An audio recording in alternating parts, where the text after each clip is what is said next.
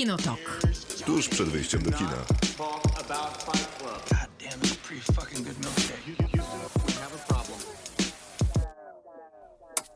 Witamy się i zapraszamy na godzinę z filmem i z serialem. Miłosława Bożek. Maciej Stasierski.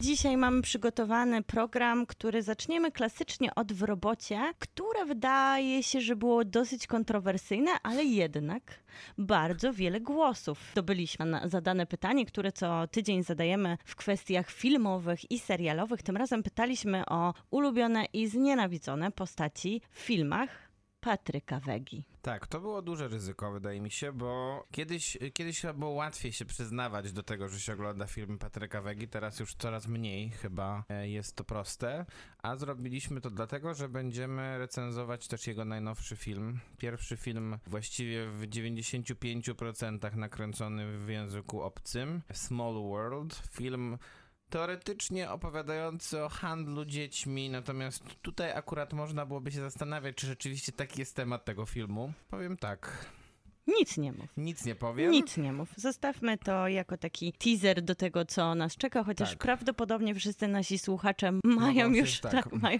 już trochę wyrobione zdanie, mogą się spodziewać, co opowiemy o najnowszym filmie I to Patryka jest Wegi. najważniejsza premiera nasza filmowa tego tygodnia. Potem będziemy nadrabiać zaległości z zeszłego tygodnia. I tu bym oddała honory, że jednak jest to ważniejszy film niż film Patryka Wegi Small World. Shang-Chi i Legenda Dziesięciu Pierścieni, czyli odważnie wkraczający w czwartą fazę uniwersum Marvel, otwierający się w pełni na Azję. Co ciekawe, Azja się jeszcze na niego nie otworzyła, bo w kinach ten film nie miał premiery i na razie jest sensie w odkładana. Azji. I głównie w Chinach, tak, ale w sensie w Azji. No słyszałem, I- że może w ogóle chyba mogą być problemy, bo główny aktor udzielił jakiegoś wywiadu, który chyba Kontrowersyjnego chyba- tweeta się... A, udostępnił, tweeta, tak. dokładnie, który może się chyba nie spodobać...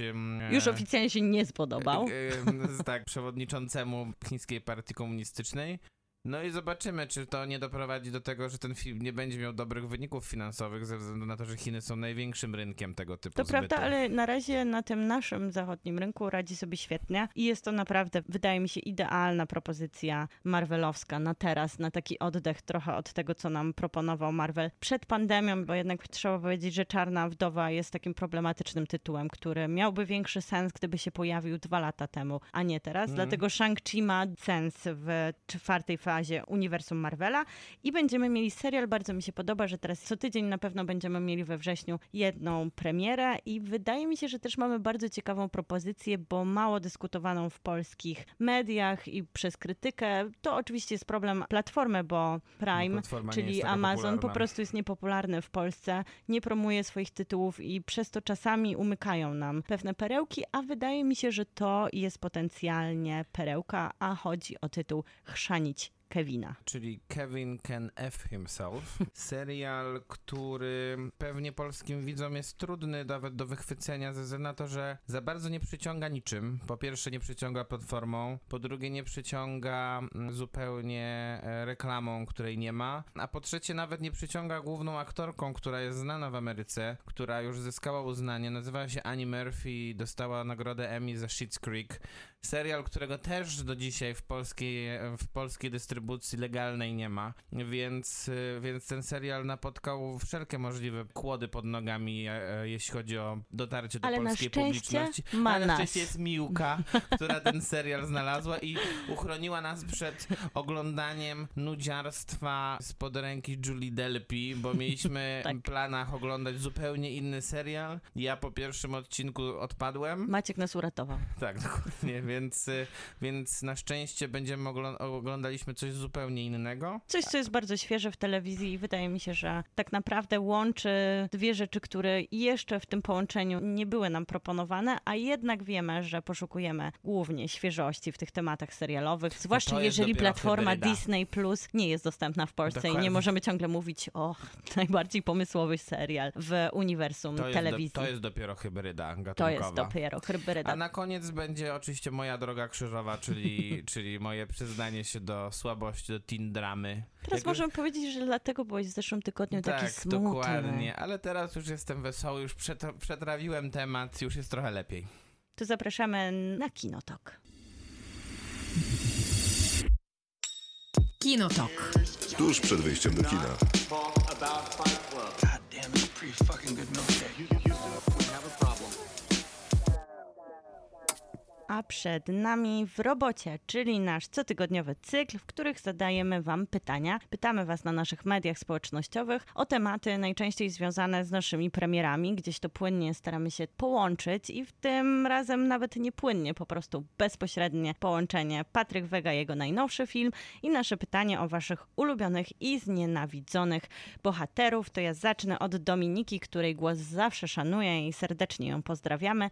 Ja się przyznaję, że już wiele razy dałam się nagonić do kina na filmy tego pana, kuszona obietnicą dobrego kina sensacyjnego, ale zamiast tego dostawałam tanią sensację i wychodziłam złorzecząc i obiecując sobie już nigdy więcej. A co do postaci, to faktycznie jedna zrobiła na mnie wrażenie. To była rola Czeczota w pierwszym Pitbullu, ekstremalne zło w powłoce zwyczajnego, trochę flegmatycznego chłopaka. W ogóle Czeczot jest niedoceniony. Szkoda, że nie ma dla niego więcej takich zaskakujących, nieoczywistych kreacji. Pamiętasz Czeczota? Czeczot to chyba był w Pitbullu Nowe Porządki. To w drugim Pitbullu, wydaje mi się. Nie wiem, może w Mm, pierwszym. Może masz rację, te pitbulle to jest w tym- problem Bo Pitbull jest pierwszy Tak, Pitbull, który jest 2005. stary. Bardzo stary i bardzo dobry. A potem jest prawdopodobnie jeden z, jeden, jeden z może z trzech dobrych filmów Patryka Serial nawet jest chyba trochę lepszy. A potem jest drugi Pitbull, Nowe Porządki. Mhm. I on już jest chyba, nie wiem, po 10 latach dobrych. Tak E, może czy, być, Czy już. 8-10 latach. Już ci mówię. I wtedy rzecz, tam jest rzeczywiście postać... Po nawet 11. A, właśnie. Mm. I tam rzeczywiście jest postać grana przez Krzysztofa Czeczota, całkiem ciekawa. W filmie, który, którego szczerze nienawidzę, więc e, Który? Nowe porządki? tak. A, no to, to będziemy zaraz pewnie o naszych głosach mówić. To E, co Dobrze, tam to Maciek teraz masz? tak, tutaj Marek poczyna swoją wypowiedź od tego, że chyba sam rozmawia ze sobą, bo pisze tak. Aha, doczytałem, że zrozumieniem, że chodzi o bohaterów. Chyba wcześniej oddał Uśmieszek. jakiś głos, który był bardziej ogólny. Tak. A później przeczytał jeszcze raz ze Dokładnie. zrozumieniem. Pozdrawiamy Marka. To w sumie większość jest charakterystycznych, bo to dba chyba najbardziej, domyślę, Patryk Wega. Ciężko wymienić postaci bez charakterów niemrawe, poza Klosem, bo to był dramat na każdym poziomie, także aktorskim. Co do całości, jakie współtworzą w poszczególnych filmach, to już całkiem inna rozmowa. Nie, To rozum- ja- nie rozumiem tego ostatniego zdania, ale nieważne. No, że, że faktycznie Vega myśli o swoich bohaterach, ale nie myśli o historiach, w których występują. A, no to tak, to w ten sposób, można w ten się z tym sposób to czytam. Katarzyna pisze, kurczę, no właśnie z tym panem Wegą jest trochę tak. Wlał, wylał. Niby coś tam człowiek oglądał, ale Patryk Wega tworzy tak dużo, że trudno to zapamiętać wszystko. Fajnie się ogląda, ale niewiele z tego zostaje, a potem, bo chyba nie ma tam wielkiego kunsztu, Sorawicz, jeśli kogoś uraziłam, ale tak uważam. Słabe postacie, no całe mnóstwo, nawet nie chcę mi się wymieniać. Ale za to było kilka sztosów. Despero, Goebbels, Metyl, Barszczyk, Wiadomka, plus pani Olga Bołądź i pan Habior w służbach, wypas. No i co? A reszty za nic nie pamiętam. No może jeszcze pani Dygant, kocham ją bardzo za wszystkie role uwagi. A, i, i mi internety powiedziały, że pan Wega robił film z Iwanem McGregorem. No, no, no. No, No. cóż- no cóż, Wiedziałeś, też ci internety powiedziały? Był taki film, e, czy też serial e, dla ówcześnie istniejącego jeszcze Showmaxa. Mhm, dokładnie. I to był chyba jakiś taki krótki metraż i Dokładnie była jakaś tak. taka sensacja. Było to reklamowane tak bardzo na a potem, poważnie a i na potem się okazało, że nic z tego nie było. Marek kolejny. Najlepsze to na pewno oryginalny skład z Pitbulla od Despera do Rocińskiego przez genialnego Grabowskiego Goebbelsa po nie lata, nie łata, nie lata, w wykonaniu Rafała Mora. Potem już z fabułami zaczynało być u Begi gorzej. Za to bohaterowie zdarzali się jeszcze ciekawie zagrani, bo Vega prowadził aktorów z fantazją, Widę Ostaszewska w Nowych Porządkach.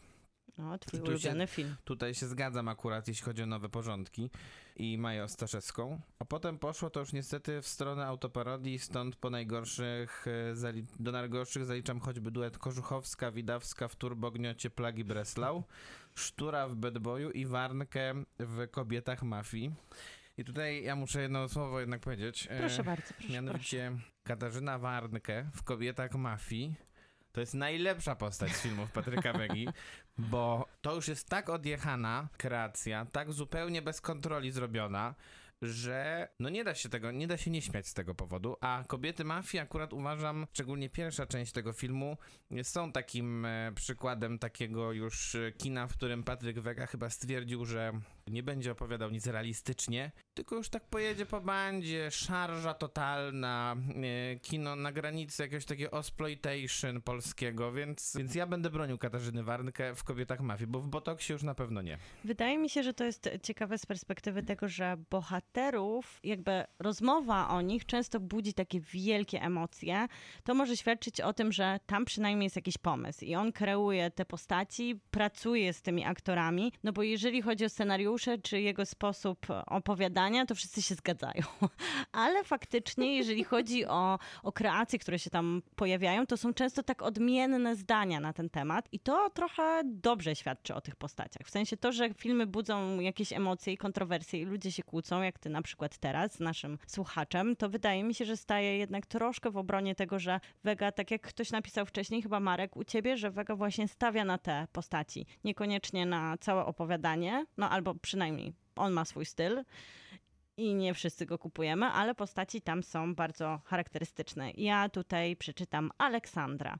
Jako człowiek po części uzależniony od oglądania złych filmów, przyznaję się, że większość jego dzieł to jest cudzysłów, sprawiło mi mniejszą lub większą grzeszną przyjemność. W serialu Pitbull, czy w mojej opinii jedynej rzeczy, która Wedze się naprawdę udała, Andrzej Grabowski stworzył jedną z najlepszych ról w swojej karierze i w rezultacie szerszej publiczności przestał się kojarzyć jedynie z rolą Ferdynanda Kiepskiego. Co do najgorszych, to jest w czym wybierać. Paweł Małaszyński w filmie Ciacho to idealny przykład, jak nie grać osób niepełnosprawnych psychicznie.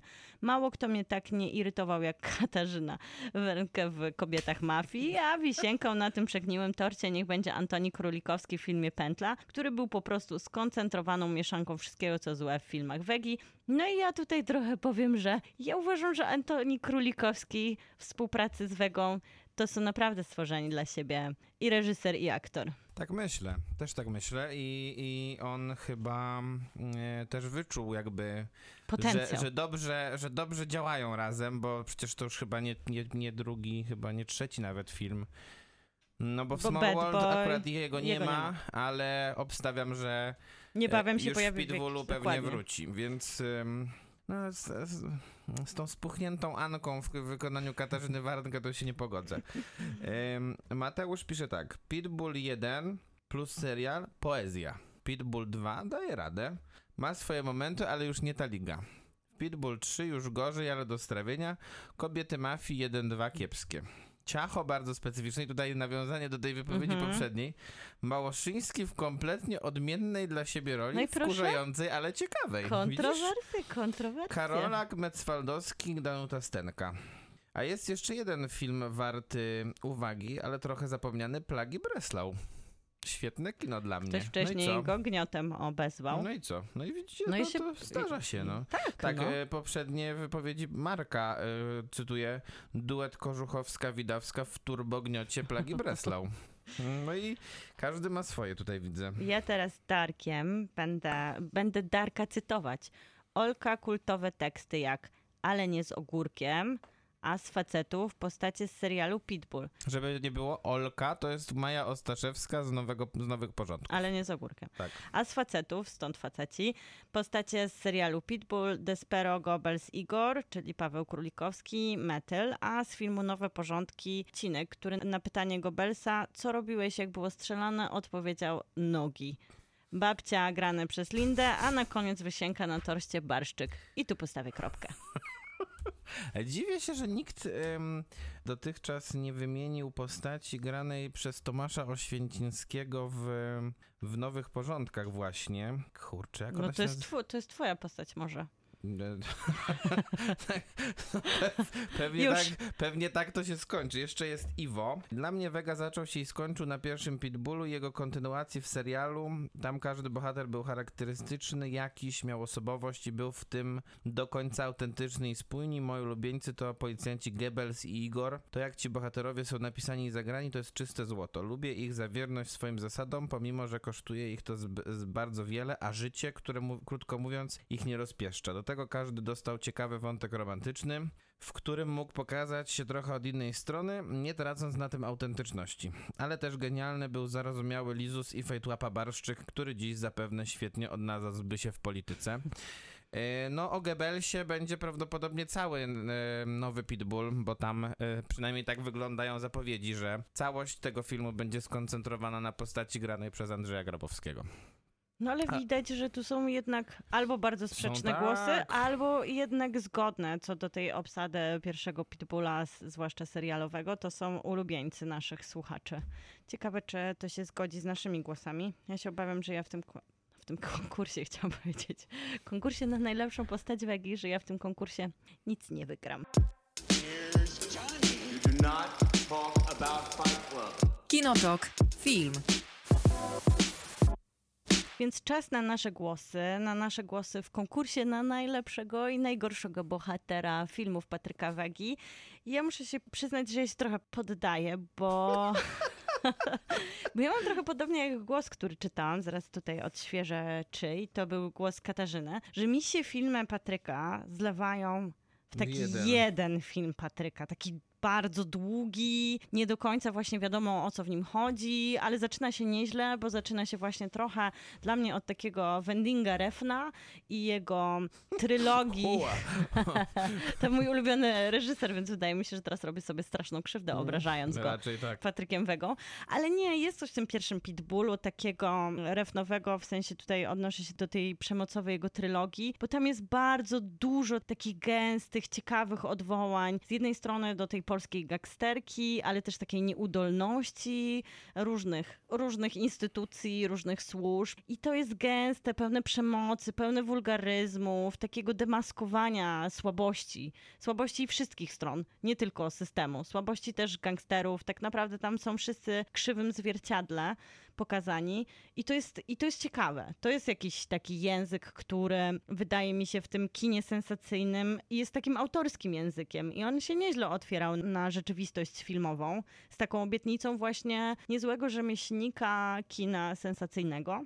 Mhm. A później wydaje mi się przeżywał jakieś takie bardzo swoje Potem odkrył personalne. Boga. Tak, odkrył Boga, co na pewno też widzimy w jego ostatnim filmie. Nawet nie chodzi mi o cytaty, które się tam pojawiają, ale jak spojrzymy na napisy, to on się bardzo często konsultuje z różnymi księżami, którzy mu pomagają w trakcie właśnie, żeby odnaleźć tą kwintesencję wiary.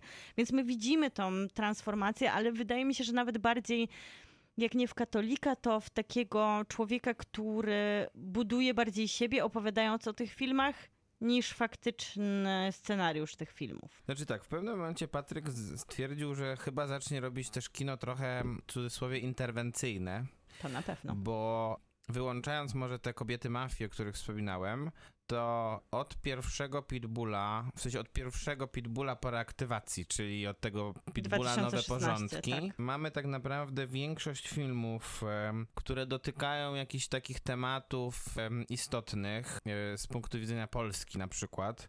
A służby specjalne chyba też już No trochę tak, o to służby za, specjalne, tak, służby specjalne były 2014. pewne, miały być przynajmniej pewnego rodzaju takim aktem oskarżenia Mhm. wobec władzy, która czy to jest lewicowa, czy prawicowa, czy centrowa, Każda zawsze władza jest jest zła. zła. Tak.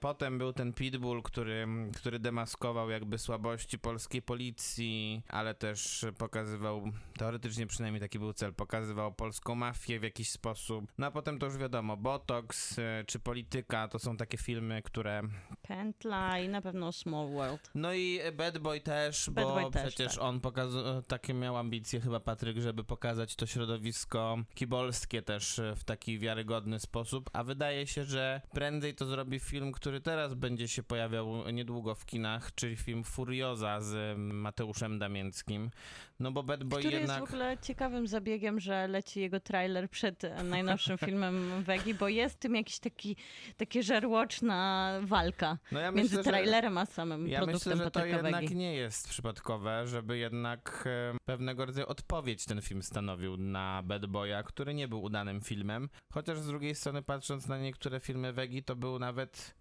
Nawet nie jeden z takim- tych lepszych. nie takim tak. bardzo nieudanym. Takim zresztą jak Small World, ale to pewnie o tym porozmawiamy za chwilę. Ale dla mnie też Dla, Patryk... czy dla ciebie filmy Patryka Wegi były Dla ważne? Dziękuję.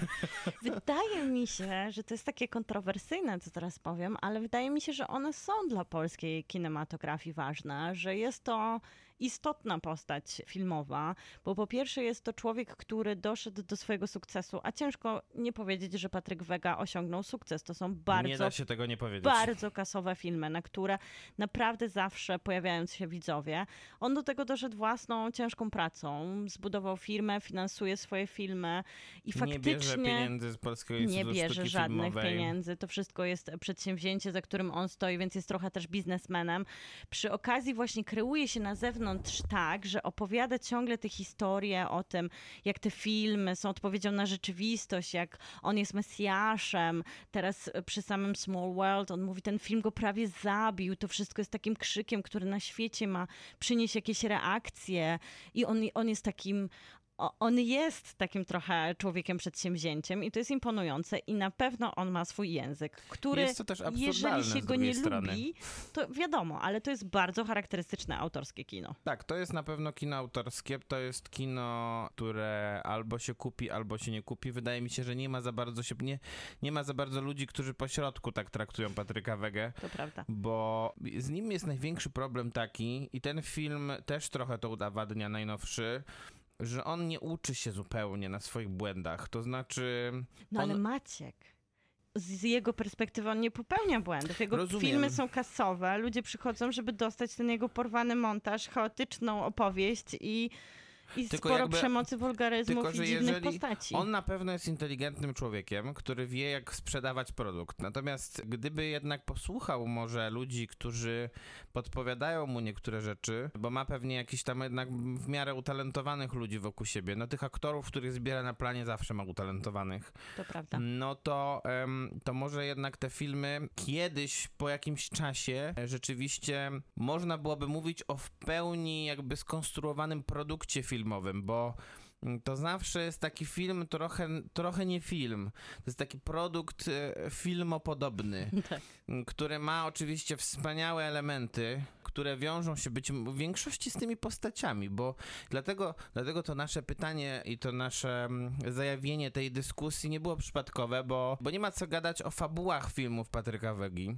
No bo, może tylko w kontekście takiej trochę takiej marketingowym, bo jednak tak powstawała i Botox, i polityka, i pętla, że to wszystko było taką opowieścią. Ja teraz zdemaskuję Polskę. Tak, tak, tak. I ja po, po pokażę tym to już nie będzie systemu, polityków, e, tak. albo nie będzie już służby I zdrowia. tak naprawdę to jestem bardziej dokumentalistą, a nie, a nie filmowcem, bo ja nie opowiadam fikcji, tylko okazji zawsze rzeczywistość. książki są wydawane, nie wiem, z No to- rozmów z mafiozami, z kibolami, z policjantami, z agentami służb i tak dalej, i tak dalej. Więc pod tym względem to jest ciekawe, jak on buduje tak naprawdę wokół scenariusza, który prawie nie istnieje, historię na zewnątrz, która napędza ogromną machinę reklamową. I to działa. Tak, y, i paradoksalnie prawdopodobnie dlatego najlepszym jego produktem pozostaje ten pierwszy Pitbull i filmowy i jednak serię. serialowy, dlatego że on ma najmniej wspólnego z rzeczywistością. Dokładnie. Tylko jest rzeczywiście gatunkowo pomyślanym produktem,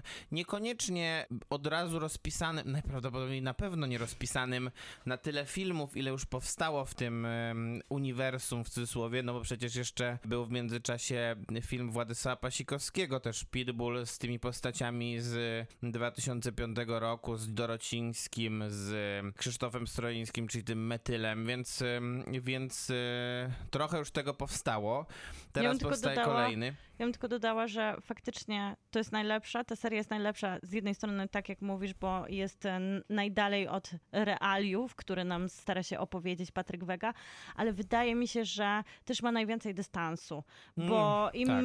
później jesteśmy w tej takiej opowieści mesjańsko-realistycznej, tym bardziej Patryk Wega traci to swoje poczucie humoru, które trochę Nie no, też tak, napędzało jego filmy. Czy się z niego śmialiśmy, czy nie, to jest inna kwestia, ale jednak nadawało trochę nie, nie, no ton. musiał. To w, w Pitbullu jest poczucie humoru na jest, pewno. Jest, jest. I to w samych postaciach jest to poczucie humoru. Czy w tych starych właśnie postaciach, bo postać, którą gra Andrzej Grabowski jest pełna takiego Pełna, tak. poczucia humoru, nawet naturalnego. To są bardzo też, syte takie Ale też w tych postaciach nowych nawet jest trochę poczucia humoru, humoru i to nawet ono wynika czasem z, nie wiem, z tego jak te postaci się nazywają, bo też jest Miami, jest babcia, którą, którego gra Bogusław Linda beznadziejnie zresztą, ale, ale no sama nazwa postaci jest zabawna. No jest ta Oleńka, którą gra Maja Ostaszewska, czy ten Oświęciński, którego postać i znowu zapomniałem jak się nazywa ta postać, zaraz sprawdzę, która w, Którym p- miała być twoją postacią. tak, która w Miałeś nowych się przygotować, Maciek. która w Brawo. nowych porządkach była rzeczywiście takim chodzącym memem, ale dzięki, dzięki postaci Stracha No. e, ten film też e, zaistniał w świadomości ludzkiej mocniej.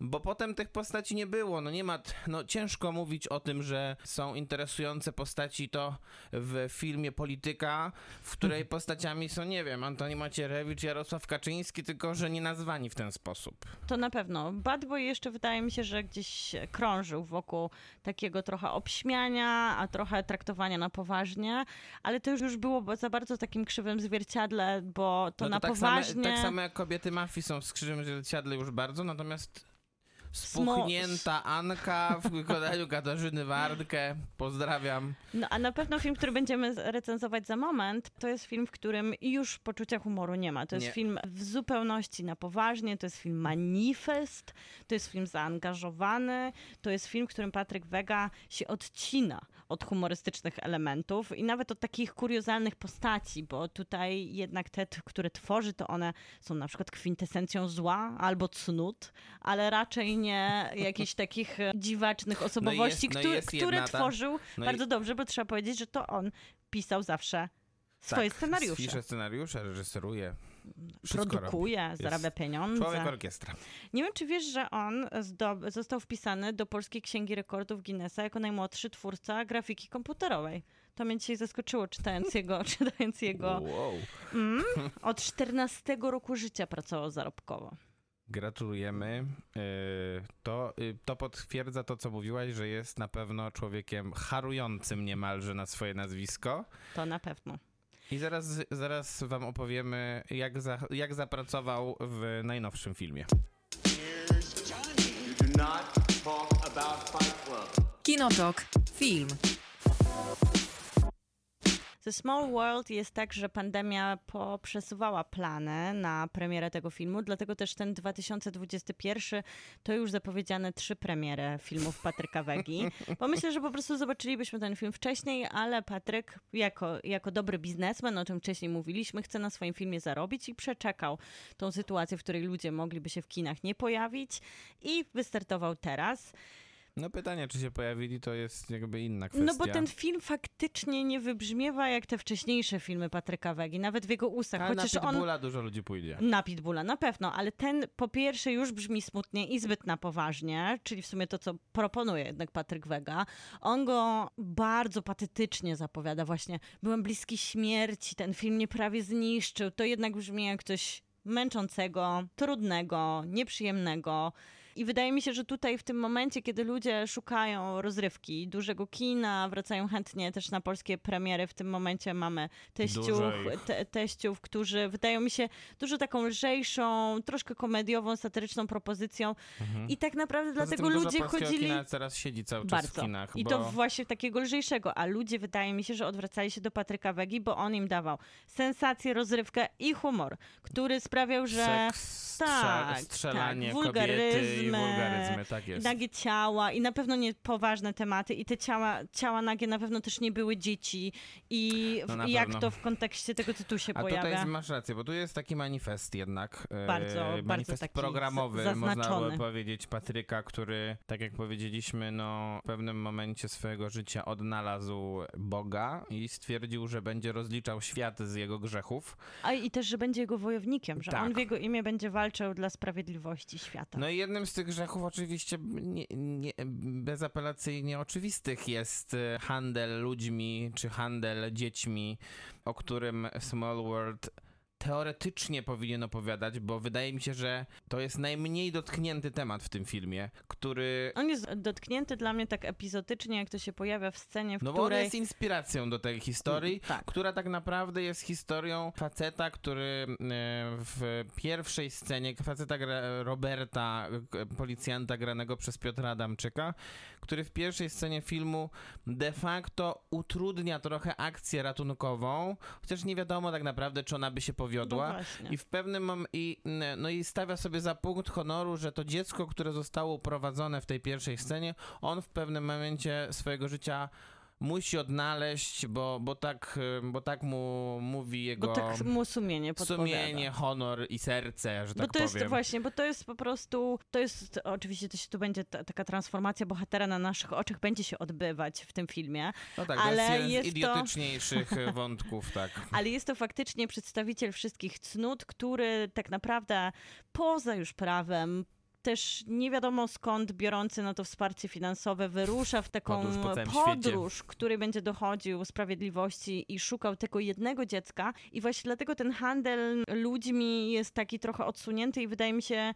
dokładnie tylko wydarzyć się w jednej scenie, w której nasz bohater się konfrontuje z jedną z takich szefowych mafii, która prowadzi swoją praktykę sprzedawania dzieci No tak, a ta, a, szerszej tylko ta grupie. scena jest I, I kuriozalna. ona podaje mu liczby. Podaj mu liczby, dokładnie. Ona dosłownie ta scena stoi- Jest, ta scena jest dokładnie kuriozalna, dlatego że ona nie ma żadnego sensu fabularnego, ona po prostu stoi za nim, jeszcze w dodatku nie widać jej, bo jest, bo jest w backgroundzie tej sceny, więc jest rozmazana i mówi mu, że tak, że milion dzieci dziennie, 300 milionów, Ona po prostu- miliardów, coś tam jest na, jest w niewoli, nic się nie da z tym zrobić, bo A się tym zajmują miliardy jednego- ludzi i miliardy pieniędzy i po prostu dostajemy jakąś serię statystyk, których się nie da zapamiętać i w tym momencie wiemy, o czym jest film. Tak, w tym momencie na pewno mamy ten wątek zarysowany, co to jest handel ludźmi, jak on się wydarza na świecie i jaka to jest skala i że faktycznie to, że Piotr Adamczyk, jego bohater Robert chce uratować jedno dziecko, nic, nie, nic, nie zupełnie zmieni. nie zmieni w tej sytuacji, tym w której zakresie jest ta kobieta ma rację. Tak, oczywiście, że ma rację, ale faktycznie to jest to kuriozum i to jest to zarysowanie, że to jest film o handlu ludźmi, ale tak naprawdę to jest troszkę film na taką, wydaje mi się jak zwykle, Patryk Wega dobrymi tropami podąża, na taką amerykańską modłę takich film o zemście, trochę takiego Taken, gdzie bohater Trochę z jakichś Taken, powodów... ostatni tak, sprawiedliwy. z jakichś powodów emocjonalnych, tutaj jest to poczucie winy, wyrusza na taką gehennę, gdzie będzie po drodze się mścił, walczył, żeby znaleźć sprawiedliwość i ten jego święty gral, w tym wypadku Ole, czyli dziewczynkę, której był świadkiem porwania. Jej matka nie dość, że jego obarczyła poczuciem winy, to on też, wydaje mi się, złożył jej moralną obietnicę, że tą Oleńkę do domu wróci. Tak, i widać, że widać w tym filmie po pierwsze pewnego rodzaju mikroewolucję reżyserską Patryka Wegi, a może bardziej scenariuszową, dlatego że jest to pierwszy film Patryka Wegi, w którym nie mamy 63 wątków, tylko idziemy jednak linearną fabułą, śledzimy tego jednego bohatera, który szuka tej jednej osoby. Teoretycznie można byłoby to uznać za sukces, gdyby nie to, że trochę być może z tego powodu, trochę być może z e, braku pomysłu, no jest to straszliwe nudziarstwo w pewnym momencie. Po prostu jest taki moment w Small World, szczególnie w momencie, te, szczególnie w okresie, kiedy bohaterowie przebywają w Tajlandii, gdzie nic się absolutnie nie dzieje. Nic się tam nie dzieje, są jedna po drugiej, głupsza scena po głupszej i absolutnie nie ma tam żadnego takiego odbicia emocjonalnego. I nagle jest koniec filmu. Yy, To, to jest zaskakujące, jak nagle jest koniec filmu i faktycznie to, co powinno być takim grand finale, tym wyczekanym jednak budująca się opowieść, ona się buduje przez 14 lat. My jesteśmy z naszym bohaterem, bohaterem granym przez Piotra Adamczyka cały czas, przez to 14 lat podróżujemy przez Rosję, Ukrainę, gdzieś tam Interpol się pojawia, jesteśmy w Rotterdamie, dzieje się wszystko, by ten... Gdzieś w Irlandii, tak, gdzieś że, żeby ten finał był taki syty. No i film się nagle z zaskoczenia kończy. Tak, dokładnie. Gdzie ta też transformacja bohatera, którą wydaje mi się, że tutaj właśnie to był scenariusz, że przez lata ci bohaterowie, nawet ci główni, byli raczej tak konstruowani, chociaż dzisiaj ich broniliśmy, bo to są chyba najciekawsze są te kuriozalne postaci, takie pod prąd, ciekawe, które nie zawsze wychodzą. Zwykle wychodzą Przypadkowo. No właśnie, wydaje mi się, że aktorsko tutaj gdzieś y, nawet potrafił Vega wyciągnąć z braku scenariusza coś z tych swoich aktorów, bo oni grają i ty, tutaj w sumie. Podobnie jest, że ci bohaterowie prawdopodobnie mają nakreślony ten scenariusz, tak, masz poczucie winy, wyruszasz podróż, mierzysz się ze swoimi demonami, zwyciężasz. Nie, E, bo, to, to mówię bo teraz tak. o Piotrze Tak, tak, bo Adamczyku. Po planie biega, biegają setki aktorów, natomiast tak naprawdę do roboty to ma dużo Piotr Adamczyk. I Julia który- Wojnawa. Julia Wieniawa ma mniej do roboty, ale ona potrafi e, z jakichś takich e, mikroscen wycisnąć niesamowicie dużo rzeczy. To jest bardzo zaskakujące, jak się rozwija, bardzo zaskakujące pozytywnie, jak się rozwija ta aktorka w temacie pójścia tak totalnie w kino gatunkowe i dzięki temu być może znajdzie swoją niszę w polskim Ja kinie. bym chciała powiedzieć, że to jest w ogóle fascynujące, że my nie do końca mamy taki świat celebrytów jak w Stanach Nie. Zjednoczonych, który podglądamy cały czas i trochę zazdrościmy, ale też, no jak wiadomo, Stany Zjednoczone wystarczą nam na, na celebrytów również tutaj w Polsce, ale jednak fajnie mieć jakieś takie odniesienie do tych wzorców i wydaje mi się, że właśnie to reprezentuje. Julia Wieniawa, ale ona trochę reprezentuje takie amerykańskie bycie tak, celebrytką, tak. bo tak, zaczynała w ogóle Antoni Królikowski, który wcześniej się pojawił od związku z burzliwego z Antonim Królikowskim, może Vega nawet gdzieś tutaj ten trop wyczuł. Jest piosenkarką, jest modelką, jest influencerką i nagle właśnie robi to, co robią celebryci w Stanach Zjednoczonych, czyli odnajduje się na wszystkich możliwych No, etapach czekamy tylko, takich aż zacznie pisać książki. i ona w tym, w tym filmie udowadnia, że ona nie jest tylko celebrytką, która świetnie wygląda i dlatego została zatrudniona. Ona nie ma napisanej roli Nie. I ona nie jest zawodową aktorką i ona naprawdę broni tą rolę. Tak, tą bo- żadną rolę broni nie tylko swoją urodą, która się tu oczywiście niesamowicie przydaje, bo to są sceny, w których jednak ona w negliżach biega w różnych konstelacjach i wygląda świetnie, ale ona naprawdę mogłaby bardzo, bardzo źle wypaść, bo tu jest dużo takich scen naciąganych, gdzie ona wpada w histeryczny płacz, gdzie nagle zaczyna się histerycznie śmiać, gdzie musi być uwodzicielska, a później od razu smutna. To się naprawdę mogło nie udać i jej się to udaje. Nie, bo ona broni, bo ona broni tej postaci swoją charyzmą. Którą ma zupełnie taką, tak jak mówię, no jest to Naturalną. zaskakujące, że ma tak dużo tej charyzmy. Dlatego tym bardziej można czekać już teraz na drugą część w lesie Dziś nie zaśnie nikt, którą Netflix już zapowiedział i nagle się okazuje, że chyba już jest nakręcona i w ogóle zaraz wyjdzie. To jest cały Netflix. To jest niesamowite w ogóle, co się wydarzyło, że pewnego dnia ja nagle przeczytałem, że nie dość, że w ogóle to zaczęto, za- za- zaczęto w ogóle to kręcić, to to już jest w ogóle zrobione i to jeszcze w tym roku chyba będzie miało premierę. Tam pewnie Julia Wieniawa też będzie grała, bo jest jedną z, jedną z niewielu postaci z pierwszej części, która przeżyła... Spoiler alert, przeżyła, tak. Tak, tutaj ona jest bardzo dobra. I ośmielę się powiedzieć, że Piotr Adamczyk jest też bardzo dobry. Ma jedną z najlepszych pewnie swoich ról ostatnich lat, w związku z tym, że potrafił w tym filmie wyjść poza ten swój okropny już wizerunek e, tego aktora e, komedii romantycznej z mm, białym plakatem. I dał mu, tutaj akurat Patryk Wega mu napisał naprawdę interesującą postać, która jest y, zadaniem aktorskim trudnym, myślę, że z wielu powodów. Po pierwsze, że ona ma oczywiście, ona jest bardzo połamana i w zły sposób też generalnie jest połamana, bo jest tutaj kilka takich scen, które, po, które nie powinny się znaleźć w ostatecznym filmie. Po drugie jest y, do zagrania w trzech językach, bo nie dość, bo To, trzeba, to warto docenić właśnie. Bo oczywiście po polsku, ale też po rosyjsku i po angielsku. I Piotr Adamczyk radzi sobie z językiem angielskim w sposób fenomenalny. Zdecydowanie lepszy na przykład niż Tomasz Kot w filmie, który recenzowaliśmy w tym Mhm. roku, którego nazwy już nie pamiętam. Wróg doskonały. o, dziękuję. E, tam to aktorstwo Tomasza Kota, który przecież jest też znakomitym aktorem, było dużo bardziej problematyczne niż, niż aktorstwo Adamczyka, tutaj mówiącego po angielsku. Więc, a poza tym ma taką dużo bardzo fizyczną rolę. To też nie jest taki aktor, który by się kojarzył nam z tym, że będzie nagle biegał po mieście i strzelał. E, Zwłaszcza taki troszkę z brzuszkiem, zapuszczony. Podstarzały. Tak, taki mało atrakcyjnie wypadający na ekranie, bo jednak on tutaj jest No w dramacie. Bardziej, bardziej sexy to był jak był Karolem Wojtyłą. Na pewno był bardziej sexy. I tutaj właśnie chciałam oddać honorę temu zabiegowi, który Vega nam serwuje, że z jednej strony oglądamy kino po angielsku, więc mamy poczucie, że oglądamy jednak zagraniczny produkt, ale w jakiś fajny sposób się to przepływa z tym, że to są polscy aktorzy. To jest właśnie też to docenienie charyzmy naszej polskiej celebrytki. Później tu mamy mnóstwo tropów, które no, wypadają czasami wręcz zbyt oczywiście, jak nie wiem, oczy szeroko zamknięte, trochę jest tutaj ten element No, tej, oglądał tej, się tej szajki. Kubricka, tak? No ale pokazuje nam, że on odrobił lekcję z kina. Odrobił lekcję z kina, ale już nie, nie potrafił tego przełożyć zupełnie w jakiś sposób kreatywny, tylko po prostu prostacki Tak, e, sposób. troszkę ściąga, po prostu Tak. ściąga, ale też nigdy cię tu nie było. To jest taki film, w którym oglądamy podobną historię trochę, gdzie zarośnięty, taki zapuszczony bohater stara się odnaleźć dziewczynkę, też jest szajka pedofilii, on jest w tej brodzie, też z takim lekkim brzuszkiem. I też jakby w momencie, kiedy ma ten moment wyznaczenia granic, gdzie jest ta sprawiedliwość się kończy, a gdzie zaczyna się przemoc, to on podejmuje bardzo podobne decyzje jak bohater Piotra Adamczyka.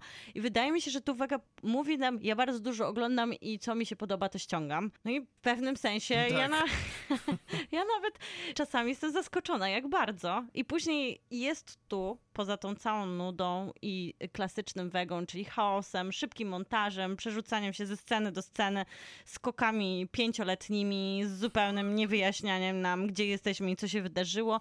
Jest tu mnóstwo przedziwacznych scen, ale naprawdę dziwacznych. Takich, które niby wiemy, że on nas czasami wyrywa ze sfery komfortu, ale ja byłam zaskoczona. Tak, no nie ukrywajmy, to są takie weganizmy, jak to się mówi o tych, o tych scenach, e, które są w każdym filmie wegi.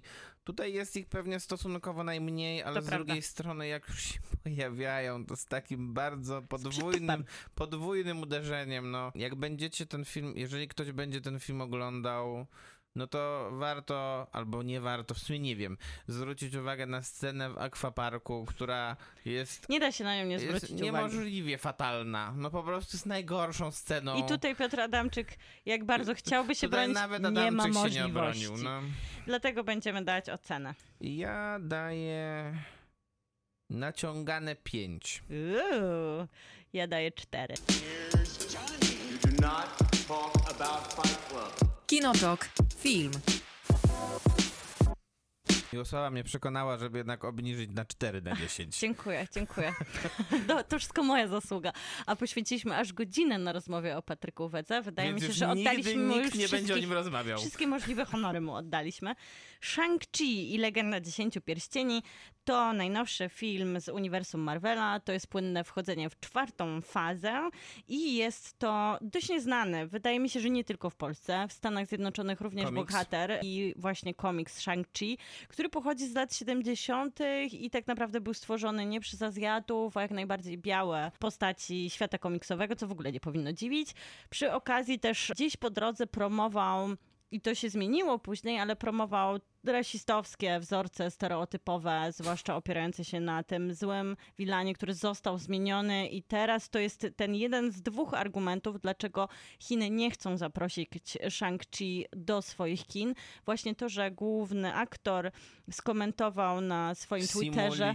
Simu Liu y, skomentował na swoim Twitterze coś, co e, Chiny odczytały obraźliwie i też to, że właśnie oni się odnoszą do tej starej ery komiksów, która w ogóle nie występuje w filmie, więc jakby Marvel oficjalnie mówi, że przeprasza za to, że no trudno muszą się przyznać do swojej niechlubnej przeszłości, ale w żaden sposób nie, nie będą tego powtarzać teraz. Pewnie jest to też troszkę zabieg polityczny o taką walkę hegemonów i imperium Ameryki i Chin, o taką trochę też przewagę gospodarczą, ale to już jest bardzo inna rozmowa, a sam Shang-Chi i legenda Dziesięciu Pierścieni to opowieść o młodym chłopaku, takim dwudziestoletnim, którego my poznajemy, kiedy on prowadzi takie dosyć proste życie młodzieńcze w Nowym Jako- Jorku. Z jednej się strony jest po- parkingowym, O. A z drugiej strony jest po prostu człowiekiem, który nie chce się skonfrontować z obowiązkami dojrzewania. Ma na szczęście przyjaciółkę, która ma dokładnie to samo podejście do życia. Lubią spędzać długie wieczory na miłych zabawach, śpiewaniu na karaoke, budzeniu się dosyć niewyspanymi i Mają niezobowiązującą pracę, która tą młodość im przedłuża, Ta aż do momentu. to jest Katie Ta przyjaciółka to jest. Aquafina. która. Jest ona absolutnie fenomenalna we To będziemy wszystkim, zaraz co robi. mówić o niej, bo ona faktycznie jest absolutnie fenomenalna we wszystkim, co robi. I to jest w ogóle taki też super motyw buddy movie, gdzie bardzo fajnie udało się wykreować taką przyjacielską relację, a z drugiej strony też relację, która ma idealnie wystarczająco elementu takiej chemii między bohaterami, więc my wierzymy w to, że oni się po prostu lubią i świetnie się bawią, aż do momentów, w których też czasami wystarczy jedno Jakiś- małe tak, spojrzenie. tak, już- I to jest super wykreowane i to jest tak. bardzo naturalne, to jest bardzo autentyczne między bohaterami. No i nagle ta rzeczywistość zostaje zaburzona. Shang-Chi, który się nazywa nie Shang, a Sean w Stanach Zjednoczonych, Doskonała co jest scena, świetnym Doskonała gagiem. jest scena, w której ona, w której ona się naśmiewa z tego, że jak się nazywa Shang-Chi, to, to nie powinieneś zmieniać nazwiska na, Na Sean. Sean. Shang, Sean. No I- I... nie, bo, bo, bo, bo, jak, bo jak ktoś się nazywał Gina, to nie powinien się zmieniać nazwiska na Jaina. Dokładnie tak. Więc bardzo, właśnie Aquafina jest tutaj jako Katie też takim świetnym comic reliefem, który się pojawia i zostaje zaburzony ten, ten idealistyczny, trochę wycofany od obligacji życia dorosłego status tych młodych ludzi, ponieważ przeszłość Shang-Chi odzywa się do niego brutalnie. Okazuje się, że on ma ojca, który, uwaga, żyje tysiąc lat i jest Bo dlaczego nie? tyranem. Bo dlaczego nie? Bo mamy uniwersum Marvela i tu się dzieją rzeczy i czasami okazuje się, że dzieją się one bardziej fantastycznie niż w innych Tak, a odcinkach. matka nie żyje. E, Matka była obrończynią lasu, czy coś Ona takiego. była obrończynią tak naprawdę takiego fantastycznego świata, który Tak. gdzieś istnieje na granicy pomiędzy tym miejscem, w którym później- żyją magiczne stworzenia, a miejscem ludzi i ludzie stoją tam w obronie też od tysięcy lat. Stoją jako ostatni bastion przed e, napływającą jakąś taką em, złą energią, która się, która się pojawia w postaci jakichś takich stworów, które gdyby się przedostały do świata ludzkiego, to prawdopodobnie wciągnęłyby ten świat i już nie byłoby ziemi. I to brzmi jak, jak przeciwnik, ale tak naprawdę ten przeciwnik jest dużo bardziej hamletowski, bo jednak jest nim ten ojciec, z którym nasz bohater ma taką no, dwuznaczną relację rywalizacji, traumy też po stracie najbliższej im osoby, która jednoczyła całą rodzinę. Jest jeszcze oczywiście poza Katie kolejna kobieca bohaterka, czyli siostra Shang-Li i jest też ciotka w następnej części, właśnie osoba, która w tej wiosce na granicy, która broni tą bramę pomiędzy wszechświatami od lat tysięcy oczywiście, e, Oczywiście. stoi na straży. Oczywiście, No i, i nasz lat. tutaj bohater, ten zły bohater, czyli ojciec, taki nie do końca zły, ale jednak, on posiada te tytułowe 10 pierścieni, które dają mu supermoce po prostu. A Dzięki nasz... temu też e, żyje tysiąc lat. Oczywiście, dzięki temu żyje tysiąc lat, a nasz Shang-Chi jest trenowany, był trenowany od e, samego dzieciństwa przez ojca, bardzo surowo, zwłaszcza po śmierci jego matki. Na Na zabójcę. zabójcę, tak. Mhm. Na też takiego mściwego rycerza, który miał pomścić śmierć, która była tragiczna swojej własnej matki, więc on jest świetnym wojownikiem. Jego siostra w odpowiedzi oczywiście na te patriarchalne zasady, na szowini spaniający w Musiała się ten uczyć wszystkiego sama. Musiała się uczyć wszystkiego sama, więc tutaj mamy oczywiście takie elementy odhaczone, które się pojawiają w Marvelu teraz zawsze i dobrze, czyli równouprawnienie, o które Tak. trzeba zawalczyć.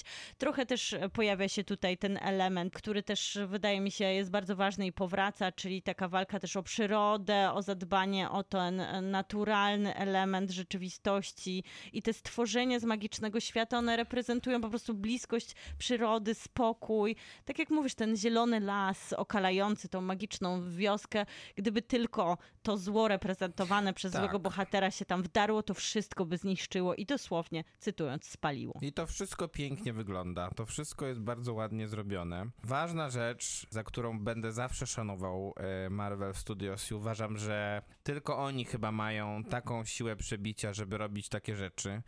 Mianowicie Wydaje mi się, że żadne, żadne, żaden szef żadnego studia nie ma na tyle dużo argumentów, żeby pójść na spotkanie z takim aktorem jak Tony Leung i mu powiedzieć, że ma zagrać faceta, który będzie strzelał e, dziesięcioma pierścieniami. Pierścieniami. A tak naprawdę bransoletkami. Tak. I dokładnie, będzie nosił te bransoletki, które generalnie co jakiś czas po prostu dzwonią mu na tych rękach. I naprawdę legendarnego aktora Wong Kar Wai'a. Z drugiej strony pójść po tym spotkaniu na jeszcze spotkanie z absolutnie boginią azjatyckiego kina Dokładnie. Michelle Yeoh i jej powiedzieć, że ona też tutaj zagra taką 15-minutową rolę, w której się poprzechadza trochę po planie, ale też oczywiście odciśnie swoje piętno na tej postaci, bo no Michelle Yeoh jak się pojawia na ekranie, to koncentruje całą uwagę na sobie. I ona też jest chyba takim pokłonem do elementu kina wuxia, które tutaj jest Tak, bo ona jest też wykorzystane. przecież jedną z aktorek, która na przykład tygrys grała w do- Tygrysie. Dokładnie, czyli takiego filmu, który na zachodzie dał głos e, temu kinu chińskiemu i temu, co, co się kryje pod terminem wuxia, czyli temu, co kojarzymy z właśnie z Przyczajonym Tygrysem, Ukrytym Smokiem czy z Hero. I chodzi o te plastyczne, bardzo piękne sceny, gdzie walka jest bardziej tańcem, gdzie bohaterowie fruwają, gdzie to wszystko jest ubrane w taką choreografię, która jest bardzo subtelna i bardzo piękna i chociaż mówi o przemocy i o walce, tak naprawdę jest jakimś takim aktem po prostu sztuki na ekranie, co proponowały nam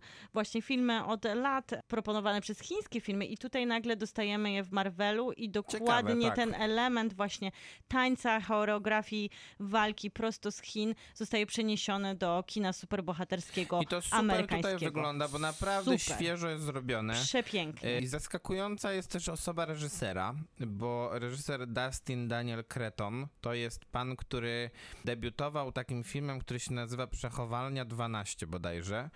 Czyli takim amerykańskim indie kinem o, o internacie, w którym jedną z głównych ról grała Brie Larson.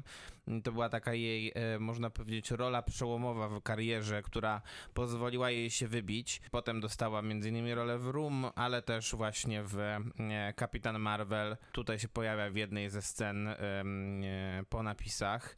I ten facet generalnie raczej nie byłby takim oczywistym wyborem mm, do nakręcenia takiego filmu z elementami tych, tych walk specyficznych i, mm, e, i pokazującym tę stronę świata i pokazujący amerykańskiej publiczności tę stronę świata. Więc tym większe brawo dla niego, że mu się to udało, szczególnie po poprzednim filmie, który był katastrofalny, który on nakręcił, który się nazywał Tylko Sprawiedliwość. To tutaj jest skok po prostu niebotyczny, jakościowy. Kinotok. Film.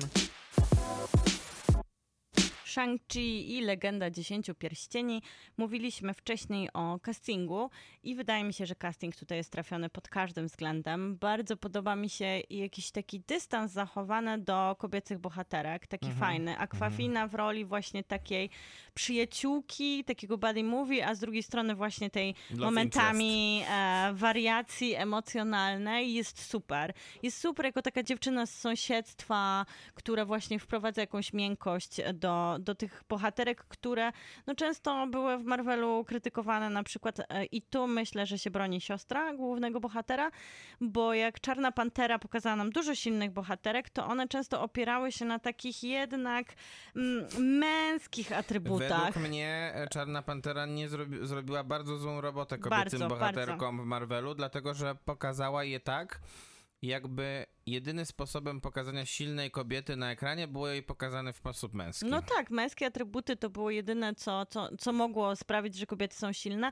A w tym wypadku myślę, że bohaterka, która jest siostrą głównego bohatera, też która posiada jakby tutaj dosyć ważną rolę, ma w sobie i siłę, ale też wystarczającą kobiecość, która stawia ją tak. właśnie w takiej roli, ale też nie jest z drugiej strony ociekająca seksapilem, e, jakby unika tych wszystkich możliwych potknięć, które się je już w Marvelu, wiadomo, przez lata zdarzały. W ogóle wszędzie się zdarzało i dopiero wchodzimy do tej ery, kiedy chyba uczymy się, jak można budować ciekawą, silną kobiecą bohaterkę, co wydaje mi się, że już w Czarnej Wdowie było zarysowane też postacią Jeleny, która się pojawiła jako siostra Czarnej Wdowy i tutaj też jest ten element właśnie takich ciekawych e, kobiecych ról i to jest super.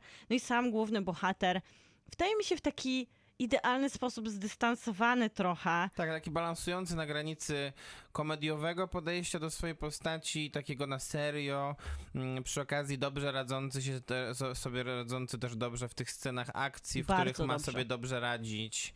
No dobrze wygląda, jakby Ale z takim też tak trochę się, trochę się śmieje z tego, że dobrze wygląda. A bo jakby jest taki trochę, trochę taki właśnie rzeczywiście flegmatyczny. Tak, i to, jest, i to jest super, bo wydaje mi się, że to jest trochę oddech od tego, co bardzo długo nam proponował Marvel, bo wszędzie czytamy, że to jest takie świeże, że to jest takie nowe. No wiadomo, że to jest świeże troszkę i Każdy nowsze. Marvel jest świeży, nowy, groundbreaking Zwłaszcza i jeżeli ten. czerpie z takiej mitologii Tylko i mam wrażenie, kultury że Azji. Pierwszy raz rzeczywiście dostaliśmy coś świeżego i groundbreaking w kontekście właśnie tego filmu, bo te wszystkie filmy, w których e, mieliśmy, nie wiem, na zasadzie takiej tak zwanego, tak zwanej reprezentacji, czyli mieliśmy pierwszego, bo, pierwszy film o kobiecie, superbohaterce, e, zaraz, Czyli Kapitan Marvel. zaraz prawdopodobnie będziemy mieli Kapitana Amerykę w wersji, w wersji afroamerykańskiej.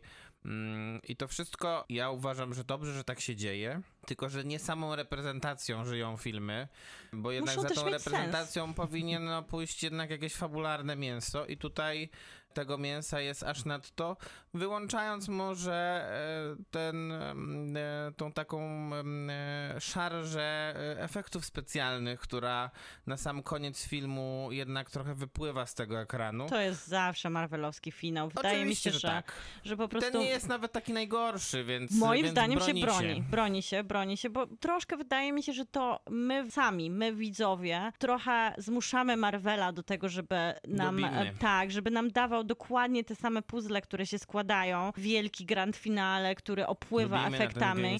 No bo jeżeli ludzie idą i no trzeba przyznać, że wydają dużo pieniędzy na bilety, Bo popcorny, 3D, 3D, IMAX, tak. to wtedy chcą widowiska. Oni chcą widowiska i ta zadługość marvelowska, która zawsze tam troszkę się ujawnia przy prawie trzygodzinnych filmach, jest tym widowiskiem właśnie przy, przypieczętowana ogromnymi nakładami finansowymi na efekty specjalne, gdzie człowiek siedząc w tym fotelu myśli, że no skoro oni to tak Ale zaprezentowali, tutaj- to ja też nie żałuję tych Tutaj na wydanych pieniędzy. szczęście nie ma tych trzech godzin, tylko są dwie i to jest dobrze, Super. że są dwie godziny, że to jest spójna historia. e, Wzruszająca, zabawna, bardzo No, autentyczna Aquafina- nawet, bo, broniąca się, bo ten konflikt między bohaterem a jego ojcem, a jego przyszłością jest nawet nieźle autentyczny. Jest mało takich patetycznych przemów, które mogłyby zupełnie nie ponieść tego. A najbardziej to mi się podoba ten trochę połączenie takie Gwiezdnych Wojen, bo jest tu dużo słodziaków, takich od razu W tym maskotek w tym świecie Mm. nowym. Tak, to jest tak. totalny świat Gwiezdnych Wojen, gdzie nas prawda. kupują po prostu Te słodziactwem. wielkie lwy i te, Bo, i ale te ten też ten bohater, bez, bez który nie ma, nie ma mordki jest po prostu razem też wspaniałym tutaj takim trochę Mm. cameo Bena Kingsleya, O tak, Ben Kingsley powraca do swojej roli Mandarina, Mandarina z um, Ironmana 3. dokładnie. Jest to jedna z najbardziej, z najbardziej dziwnych rzeczy, jakie Ben Kingsley robi w swojej karierze. Czyli pojawia się raz na 15 lat w filmie Marvela I to i, jest super. i robi się idiotę. I robi to doskonale, bo pamiętam, że ten z tego zwiastunu słynnego mm, Ironmana 3 E, wszyscy myśleli, że to będzie jakiś super negatywny bohater i on będzie wylenem tej całej historii, a potem się okazało, co się okazało w tym filmie, czyli to wszystko, em, Co on trochę nam co, tutaj było, co było podbudowywane, dokładnie tutaj zostało jeszcze bardziej przełożone i przedstawione w humorystyczny sposób. No ja daję 8 na 10. Kurczę, no właśnie, bo wydaje mi się, że trzeba też mówić o tym filmie nie tylko w kontekście tego, jaki on jest świeży, jak dużo zmienia, bo znajdziemy tam wszystkie motywy Marvela, które, które lubimy, ale to jest po prostu bardzo dobry film. To się Dobry, dobrze bardzo dobry. ogląda, Tak. to jest bardzo ładne, wszystko się tu zgadza, po prostu świetna rozrywka. Szczególnie, że ja się spodziewałem, że to będzie pierwszy, po, po wszelkich zapowiedziach tego filmu, spodziewałem się, że to będzie pierwszy film Marvel Cinematic Universe, który na Rotten Tomatoes będzie miał zgniłego pomidora, a tutaj jest 95% chyba pozytywnych recenzji i w ogóle zupełnie mnie to nie dziwi. On się podoba, bo on się naprawdę ma prawo podobać, bo to jest bardzo fajne kino i ja bym chciała więcej takiego Marvela, takiego, który trochę też właśnie nas odciąża od tych Marvelów, których już mieliśmy trochę za dużo. Tak. Tych Avengersów już było za dużo. Oni się zamknęli, trzeba to zostawić, otworzyć czwartą fazę Marvel Universe i też 8 na 10 ode mnie. Kinotok. Serial. Dżingiel serialu już za nami wybrzmiał, ale ja chciałam jeszcze dodać... Wybrzmiał. Wybrzmiał moje Mhm. ulubione słowo, tak? Musi się pojawić przynajmniej cztery razy w odcinku. Ale ja chciałam jeszcze dodać o tym, o czym rozmawialiśmy poza anteną, że trzeba oddać honory, że tam, czyli Mhm. Shang-Chi, legenda dziesięciu pierścieni, wspaniałe choreografie walki, to co się dzieje i w autobusie, i na wysokościach, to jest po prostu cudo. Mhm. Już dawno w, e, tak nie walczono w Marvelu, a teraz nie będziemy w ogóle walczyć, będziemy się śmiać przez łzy. To jest tytuł w sumie produkcji IMC, czyli trochę wracamy do tej rozmowy z zeszłego naszego spotkania, gdzie rozmawialiśmy o serialach komediowo-obyczajowych. Tak. I wspominaliśmy tam o tym, że kablówkom, takim telewizją kablowym w Stanach Zjednoczonych, udało się kilka jakościowych produkcji i to zaczynały Desperate Housewives, to był twój trop i właśnie wtedy rozmawialiśmy o tym, że telewizje kablowe potrafią tworzyć bardzo ciekawy content, jeżeli chodzi o seriale, który często jest im odbierany przez telewizje, które w ogóle zajmują się produkowaniem jakościowych treści. I IMC wypuściło właśnie, wyprodukowało taki serial, który trafia do nas na platformie, jak to często bywa z tymi produkcjami amerykańskimi poza głównym nurtem platform. I jest to Amazon Prime, Prime Video w Polsce które proponuje nam już w całości 8 odcinków sezonu pierwszego. Już można mówić o tym, że spokojnie czekamy na sezon drugi. On jest już potwierdzony i klepnięty, więc to nie jest żadna miniseria i na pewno nie zostawia nam w takim Na poczuciu szczęście. finał. Natomiast AMC, to trzeba powiedzieć, to jest, to jest telewizja, która wyprodukowała m.in. Mad Mena i Breaking Bad. To Tak, tak, są tak, tak. naprawdę... tuzy Mocne kablówki, tytuły. tuzy Mhm. kablówki. I tu się pojawia taka koncepcja na, jak to Maciek dzisiaj ładnie nazwał, już bardziej hybrydą się nie da być, czyli połączenie, trochę rozbicie też konwencji, ale połączenie konwencji sitcomu z dramatem, z dramatem. Tak. I, I jest to I dosłownie... wychodzi komedia, czarna komedia. Wychodzi bardzo, czarna, bardzo czarna. Ko- komedia i jest to dosłowne połączenie, bo oglądamy rzeczywistość z dwóch perspektyw. Z perspektyw bohaterki, która żyje w sitcomie ze swoim mężem. Zawsze, jeżeli znajduje się w nim z, w jednej przestrzeni, to wszystko sugeruje nam, że to sitcom. To Tak, jest mamy- bardzo jaskrawe kolory, jedno pomieszczenie najczęściej, czy dwa, tak jak pamiętamy, nie wiem, różowe lata 70. I tak zwana, y, i ta, i ta kamera, która jest bardzo specyficzna dla sitcomu. Dokładnie, więc to wszystko się dzieje w takich właśnie podkolorowanych, na kolorowo i wesoło, idealnie nakręconych, ciągle powtarzających się wnętrzach z tymi samymi bohaterami i oczywiście śmiechem z offu. Tak. I to jest ten moment, w którym nasza I bohaterka jeszcze jest... ważny element, który też w tym, film, w tym serialu jest do, dosyć często, to jest e, najazd na dom z muzyką. To też zawsze coś takiego Mhm. jest w sitcomie. W sensie. Z taką wesołą wiem, muzyką, tak, która mówi, dzisiaj muzyką, spędzimy razem zaraz dzień. wchodzimy i przyjaciele wjeżdżają, Dokładnie, nie? dokładnie. Dzisiaj będzie wesoły dzień, patrzcie jak słońce świeci, chodźmy do domu, tam czekają nasi przyjaciele. I tutaj mamy właśnie tą grupę przyjaciół, tutaj też trochę cudzysłów, czyli Kevina tytułowego, męża, głowy rodziny, jego ojca, który jest zawsze z nim i jego sąsiada, który jest jego najlepszym przyjacielem. to jest Sąsiada takie trio, debila. tak, to jest takie trio idiotów, którzy mm, po prostu gloryfikują Kevina i każdy jego pomysł, On który jest absolutnym debilem. który jest za każdym razem coraz bardziej idiotyczny. Gdzieś momentami są jakieś przebłyski w oczach ojca, czyli Tak, najstarszego bohatera, ale on też ewidentnie dobrze się bawi w tym e, męskim trio i do tego męskiego trio jest właśnie nasza bohaterka, Alison żona, która zawsze jak się pojawia, to jest tym elementem, który jest trochę takim popychadłem, ona jest idealna do prześmiania, Mhm. do, do takiego troszkę popychania ją niby w czuły sposób, ale Najważne żeby robić to, szowinistyczne i niesmaczne żarty. Ci trzej bohaterowie nie pojawiają się praktycznie nigdy poza tą scenerią sitcomową. To tak, jest istotne. Tak, tak. E, Nie, natomiast- nigdy się nie Nigdy pojawia. nie się nie pojawiają. No do Natomiast, finału. Natomiast tak, natomiast y, Alison oraz jej koleżanka i koleżanka teoretycznie też ich też, y, całej tej ekipy, czyli Patty, one się pojawiają już w, też w scenerii innej, bo druga sceneria to jest taka, że jak Kevin opuszcza pokój, to nagle dostajemy już zupełnie inną kamerę. Jest ciemno, jest szaro-buro, em, bo takie jest trochę życie Alison. No i jest już to kamera takiego zwykłego, seri- zły, zwykłego filmu czy zwykłego serialu. Trochę ciemniejsza, Tak, ja trochę, powiedziała, bardziej, że- trochę bardziej mroczna. Też, też nieprzypadkowo wydaje mi się, jest to wszystko umieszczone w Bostonie. Oni mówią bardzo dziwnym, bardzo takim specyficznym akcentem po angielsku.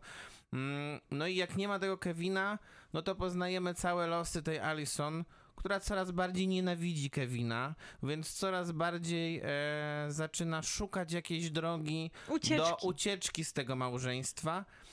No i e, No i właśnie, bo tutaj ciężko y, o tym opowiadać, nie robiąc ciężko spo- opowiadać, spoileru. więc Ale po prostu zostawmy to, że to, to jest spojrzenie na życie małżeńskie, które jest opowiadane z dwóch perspektyw. Jednej, kiedy trochę tak jakbyśmy widzieli to oczami ludzi z zewnątrz, kiedy wszyscy są razem, udają takie idealne małżeństwo. Przynajmniej Alison udaje przed wszystkimi, że jest Zagryza- za- zadowolona. Zagryza zagryza zęby, i, i- tak. i, i wtedy właśnie widzimy ją w tych radosnych kolorach, a w momencie, kiedy jest sama, kiedy wszystko jest pokolorowane dosłownie wręcz na niebiesko, na ten smutny kolor, tak, tak.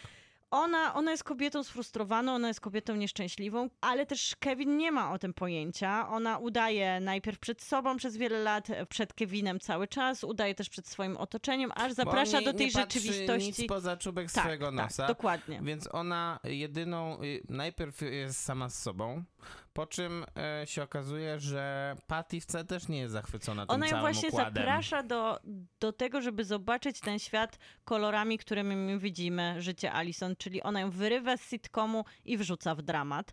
Ale też to jest bardzo ciekawa taka transformacja przyjaźni bohaterek, które na początku są właśnie, to, to, to się nawet w taki zabawny sposób pojawia, że kiedy wszyscy są w sitcomie i Alison jest z Patty, to Patty dalej z niej drwi. I, Pali- i Tak. Alison jej mówi, co ty robisz? Ona mówi, przepraszam, się przyzwyczaiłam do konwencji. Mhm, No i tutaj oglądamy najpierw właśnie takie rywalizujące trochę ze sobą osoby, które przez te osiem odcinków przeżywają chyba najciekawszą dla mnie w tym serialu taką transformację, bo budzi się pomiędzy nimi, budzi się jakiś emocjonalny związek, relacja przyjacielska, ale dla mnie nie do końca jasna. W sensie tam jest dużo takich ciekawych wątków i wydaje mi się, że to jest po prostu bardzo dobrze wygrane. Ale też trzeba powiedzieć, że Alison jest oczywiście bardzo ważną bohaterką. Najważniejszą. Najważniejszą, ale Patty też Chociaż dostaje swoją Kevin historię. by się nie zgłosił. Wiadomo, Kevin jest postacią absurdalną. Natomiast y, Patty też jest ważną postacią. Bardzo. I ona też dostaje swoją historię, która jest być może nawet bardziej skomplikowana momentami, bo ona też ma tam swoje relacje tutaj z chłopakiem, tutaj w pracy, bo ona prowadzi salon fryzjerski, ale troszkę taki też dystrybucję narkotyków i Spoiler. Mamy, mamy sytuacje, mamy różne sytuacje związane z, z jej relacjami z innymi ludźmi. Bo co do hybrydy, to trzeba przyznać, że poza komedią, klasycznym sitcomem, bo to w sumie troszkę różnica pomiędzy komedią, to jest dużo cięższy kaliber. Więc poza, poza kl- klasycznym sitcomem, dramatem, mamy tu też wątek kryminalny, który No. niesie tą opowieść i to jest dopiero hybryda, który niesie tą opowieść na kilku wątkach właśnie trochę z takiego życia, tutaj w cudzysłowie gangsterskiego, e, kur No tak, domowych, to nie jest trochę... gangsterka, tylko to jest to- to- amatorka, i one amatorka. po prostu się poruszają Ale po tym jednak- świecie zupełnie po omacku. Ale jednak jest to wątek kryminalny. Pojawiają się też bohaterowie z takich klasycznych kryminalnych wątków, czyli policjanci, którzy w jakiś sposób ingerują w życie bohaterek. No i pojawia się też ważny bohater z przeszłości, który wraca po latach do, do tej miejscowości, w której to wszystko się dzieje, czy do, tych, do tej jakby lokalnej Mhm. społeczności. Bo to jest jakby wręcz No to je- dzielnica, która Bo to się... jest w Bostonie, tylko jakby dzielnica dosyć taka ewidentnie, w której wszyscy się znają. Ten, ten bohater zakłada, to się dowiadujemy też w pierwszym odcinku, zakłada tam em, diner, czyli na nasze to byłaby, nie wiem, jadłodajnie, można powiedzieć, tak. gdzie taką klasyczną amerykańską jadłodajnię, gdzie się polewa kawę mm, do oporu i, i prawdopodobnie je się zwykle burgery albo, nie wiem, jajka jakieś. I tam jest właśnie taki wątek e, to jest wątek spojrzenia na, tak, na przeszłość Alison, ale też trochę danie jej takiego oddechu do jej rzeczywistości, takiego romantyzowania przez tego bohatera, który się pojawia. I wydaje mi się, że tutaj bardzo się warto skupić na Annie Murphy, która ma taką trudną rolę, bo ona musi wygrać bardzo dużo emocji i ona trafia Jeszcze zwykle musi- z tymi emocjami w punkt. W sensie to Jeszcze jest musi naprawdę wygrać je w sitcomie. i w sitcomie, i w dramacie. Na, na, na te, ten serial jakby leży na tej jej gestach, ale najbardziej chyba mi imponuje, że to jest taka nieprzewidywalna postać, bo ona na początku ma konstrukt ofiary I, I ona w trakcie tych ośmiu odcinków, ona zaczyna też dla nas zmieniać trochę swoje konteksty. I ta jej opowieść o takim byciu w manipulującym, bardzo toksycznym związku też zaczyna nabierać takich wątków, że ona sama też ma bardzo charakterystyczną osobowość, Tak. która u, ustawia pewne rzeczy. Zdecydowanie ciekawszą niż jej mąż. Em, Ale to, uważam, że to są też świetnie skastingowane postaci, Tak, tak, tak. bo to jest bardzo trudne. Sitcom to jest w ogóle jakiś ab- Ale, abstrakt e, dla e, mnie. Nie wiem, czy miałaś takie wrażenie. Dla mnie e, to, było, to było. Zastanawiam się, czy to jest zamysł tego serialu, czy to po prostu tak wyszło. Że te wszystkie momenty sitcomowe pokazują, jak bardzo jednak ten gatunek już nie istnieje. bo to w ogóle nie jest zabawne. To jest Dokładnie. wszystko takie żenujące, suche, e, po prostu czerstwe. Poza ci, tym ci obraźliwe. aktorzy, tak, dokładnie, jest wszystkich. obraźliwe. To, jest, to są takie żarty, e, które nie powinny przejść nawet w latach 90., a, a wtedy przechodziły w sitcomach. Nie ma tam w ogóle żadnej świeżości. Ci bohaterowie są jednym wielkim stereotypem, a z drugiej strony, i to chyba był zamysł tego serialu, Mhm. żeby z jednej strony zupełnie skrytykować konwencję sitcomu i jednocześnie wyśmiać tych bohaterów, Ale z niej skorzystać a z drugiej strony skorzystać. No i wzmocnić tych bohaterów, którzy poza sitcomem żyją, bo e, myślę, że Annie Murphy jest kapitalna. Jest naprawdę po prostu absurdalnie dobra w tym serialu, ale ta jej koleżanka, która się nazywa Mary Hollis in Boden też nie jest najgorsza. Patty I jest świetna. też wcale jej nie, e, nie bardzo daleko za nią nie jest, Pa- bo Patty jest świetna. bo jest to naprawdę dobrze napisana postać. Aktorka jest znakomita i aż y, po prostu się czeka już, ja już czekam na ten drugi, Na drugi sezon, sezon. Bo Troszkę- serial się kończy też w taki sposób, oczywiście nie będziemy mówić Nie, jaki, nie, nie, nie. no nie mogło nie być drugiego sezonu. Nie, nie mogło nie być drugiego sezonu. Uważam, że on momentami ma swoją mieliznę, takie malutkie. To jednak są 50-minutowe odcinki. Wydaje mi się, że to czasami troszkę się wyczerpuje gdzieś Tak, ta tak. formuła.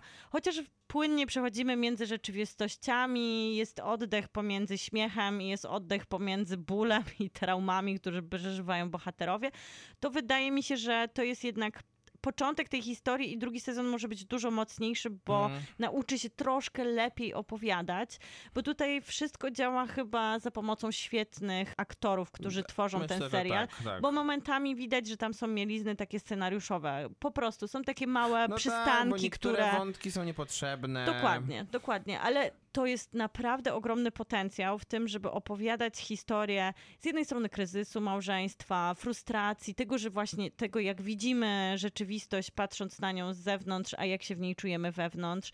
Jednak, tak jak powiedziałeś, nie wypada już tak się śmiać jak w sitcomie, a z drugiej strony tak chce opowiadać o swoim mężu nasza bohaterka Tak. i żeby zrobić z kogoś idiotę, trzeba znaleźć na to dobry sposób, żeby nikogo nie obrazić. I to, że wykorzystano do tego sitcom, jest po prostu genialnym zabiegiem. Jest, jest genialnym zabiegiem. Serial jest bardzo świeży, bardzo świeży właśnie w swoim pomyśle. Fajne, I- świeże twarze, to nie są znane w Polsce Tak, twarze. nieograne twarze. Zupełnie. Bo tak jak powiedziałem, no... e, Shit Creek, Nic, ni, ni, ktoś, jak ktoś oglądał Schitt's Creek w Polsce, to znaczy, to że albo, przyznawać. albo nie mieszka w Polsce, albo nie oglądał.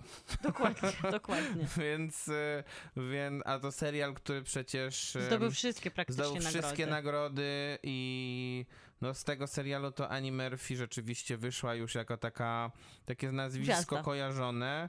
Mm, No a z tym, no oby ten serial dużo ludzi obejrzało, chociaż niestety nie wróżę wielkich sukcesów w Polsce. E, No, wydaje mi się, to że jak krytyka go będzie chwalić, a wydaje mi się, że jest no tutaj chwali, co chwalić, Tak, tak. Mhm. to może są seriale, które dojrzewają z wiekiem. Są seriale, które dzięki temu, że ktoś je odkryje i zaczyna się o nich mówić, trafiają. Myślę, że Biały Lotus, którego polecamy, nasza recenzja z zeszłego tygodnia, też jest takim serialem, który będzie zyskiwał coraz więcej i coraz więcej widzów i może być podobnie schrzanić Kevina. A nasza ocena to? Ja daję 8 na 10. I ja również, ale zgodny program. Kinotok. Serial. Maciek się tak cieszy ze swoich pięć, Mnie pięć trochę, hej. Tak się Maciek cieszy ze swoich pięciu minut, że aż się zaśmiał na dżinglu. A przepraszam, tak. A nie, e, dobrze, dobrze, to tak podbudowuje emocje. Więc serial, który doprowadził mnie do ciężkich przeżyć emocjonalnych i w zeszłym tygodniu do du dużej depresji. Nie będę teraz, nie będę używał słowa depresja, bo Nie słowo, słowa depresja jest zarezerwowane dla osób, które rzeczywiście cierpią na tę bardzo ciężką chorobę. Do głębokich smutków serca. Tak, dokładnie i do złamanego serca, jak to w zeszłym tygodniu sama nazwałaś. To prawda. To jest serial, który się nazywa po polsku Książęta, a po angielsku Young Royals i jest dostępny na Netflixie chyba już od dobrych dwóch miesięcy. Tak, tak, on już długo jest dostępny. E, Ja go oczywiście odkopałem e, ostatnio. I jest to klasyczna teen drama, na których nie powinno się płakać i które powinny cię doprowadzić do żenady tak naprawdę często. Nieprawda. Ale jest Przyznajmy, to że większość rzecz. teen dramy działa na nasze, No niestety. działa na nasze serca i płaczemy jak Jest dzieci. to bardzo dobra rzecz, e, a opowiada o em, księciu, który jest członkiem szwedzkiej rodziny królewskiej. Jest to młody chłopak. To nie do końca jest określone, jak oni są młodzi, ale widać, że są młodzi. W każdym razie on ląduje w takiej szkole elitarnej, za którą oczywiście rodzina królewska jest w stanie mu zapłacić. I ląduje tam jako kolejny z rodziny, bo tam był wcześniej ojciec, wcześniej był starszy brat, który jest następcą tronu.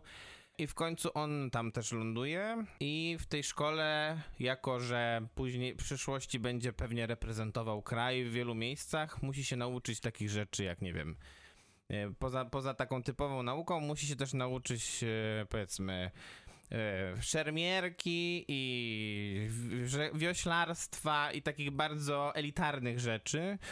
Mm, No a przy okazji oczywiście przeżywa takie podstawowe rzeczy, e, podstawowe emocje i podstawowe doświadczenia związane z młodością, czy nie wiem, pierwszy alkohol, pierwszy stosunek seksualny i tak dalej, i tak dalej.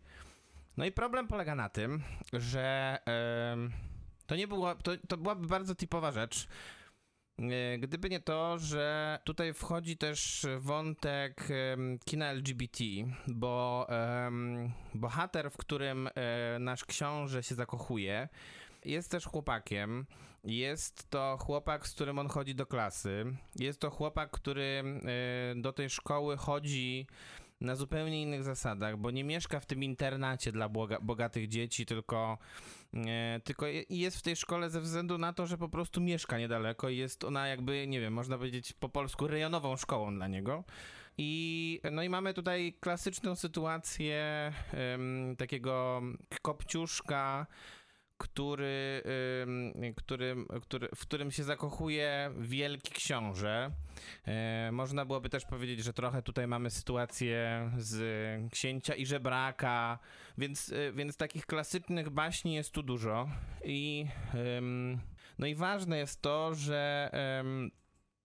że to jednak jest, że jest tu jednak wątek miłości pomiędzy dwoma chłopakami, dlatego że e, No i też tej królewskiej sukcesji. tak, bo dlatego, że nawet w monarchii, w takim progresywnym teoretycznie wydawałoby się kraju jak Szwecja, no myślę, że nie jest to jednak do pomyślenia, żeby nagle następca tronu mógł być, e, mógł być homoseksualistą. No bo przecież on musi mieć potomstwo i on musi utrzymać linię sukcesji. I te dzieci muszą się z tego, muszą, muszą się pojawić w pewnym momencie, bo ktoś musi przejąć władzę później. No i ciężko myśleć tutaj o sytuacji, w której nagle, nie wiem, następca tronu Szwecji weźmie oficjalny ślub w całym ceremoniale królewskim ze swoim, ze swoim ukochanym i nie wiem, będą adoptować dzieci z Wietnamu, które, które będą przejmować później, e, przy, przejmować później tron szwedzki, no bo, no bo to chyba jest zupełnie nie do No i pomyślenia. to jest chyba ciekawy taki komentarz w tych progresywnych czasach, kiedy Tak. wydaje się, że już seriale, na przykład zwłaszcza Netflixa, te takie skoncentrowane na nastolatkach, promują, że już wszystkim jest coraz łatwiej, że już wszyscy bohaterowie z jakiejkolwiek mniejszości otrzymują swój głos, że też poza tym, że do, otrzymują swój głos, otrzymują akceptację rówieśników, rzeczywistości, rodzin, ale jednak no to jest chyba no taki ta mocny sytuacja jest- sposób do powiedzenia, że tak nie jest do końca. Bo ta sytuacja jest super specyficzna w tym serialu jednak i wydaje mi się, że ona oczywiście jest bardzo mało wiarygodna w tym zakresie, że szanse, żebyśmy się dowiedzieli nawet, że coś takiego się dzieje, są pewnie mikroskopijne. Nawet jeżeli, nawet jeżeli w, w rodzinach królewskich, w rodach europejskich pewnie takie relacje mm, pomiędzy członkami tych rodzin królewskich były z różnymi ludźmi, no bo nie wyobrażam sobie, jeżeli, mm, jeżeli homoseksualistów na świecie szacuje się, że jest, nie wiem, jakieś od 5 do 10% każdego społeczeństwa, no to generalnie jeżeli, jeżeli w członków rodzi, danej rodziny królewskiej jest powyżej 10, no to przynajmniej jeden powinien być z mniejszości, L- z, z mniejszości Maciek LGBT. przedstawił nam, ja- jakie są szacunkowe. matematyka Jakub Pratyrka-Wegi. Jakie są szacunkowe szanse, że I kr- teraz się tak wykładasz jak ta Hiszpanii bohaterka, że w tym serialu nagle się pojawia jakaś postać i mówi te wszystkie liczby i statystyki. I my wszyscy myślimy sobie, o tak, to o tym jest ten serial. No o tym nie jest ten serial. Ten serial jest jednak o takiej pierwszej młodzieńczej miłości, która, która jest, która chciałoby się, żeby była taka niesplamiona i jakaś taka bardzo czysta i, i taka właśnie romantyczna i, i wspaniała. Mm, A przez to, że ta sytuacja jest tak specyficzna, że mamy tutaj młodego księcia i człowieka w cudzysłowie z ludu, e, sytuację już bardzo współczesną, bo też medialną, bo tutaj mamy też sytuację związaną z tym, że wypływa filmik e, e, jednoznacznie wskazujący na ich relacje. I pokazuje ten serial w jaki sposób prawdopodobnie, wydaje mi się, by sobie poradziła em, rodzina królewska, czy rodzina jakkolwiek uprzywilejowana, która chciałaby ukryć ten fakt em, z taką sytuacją.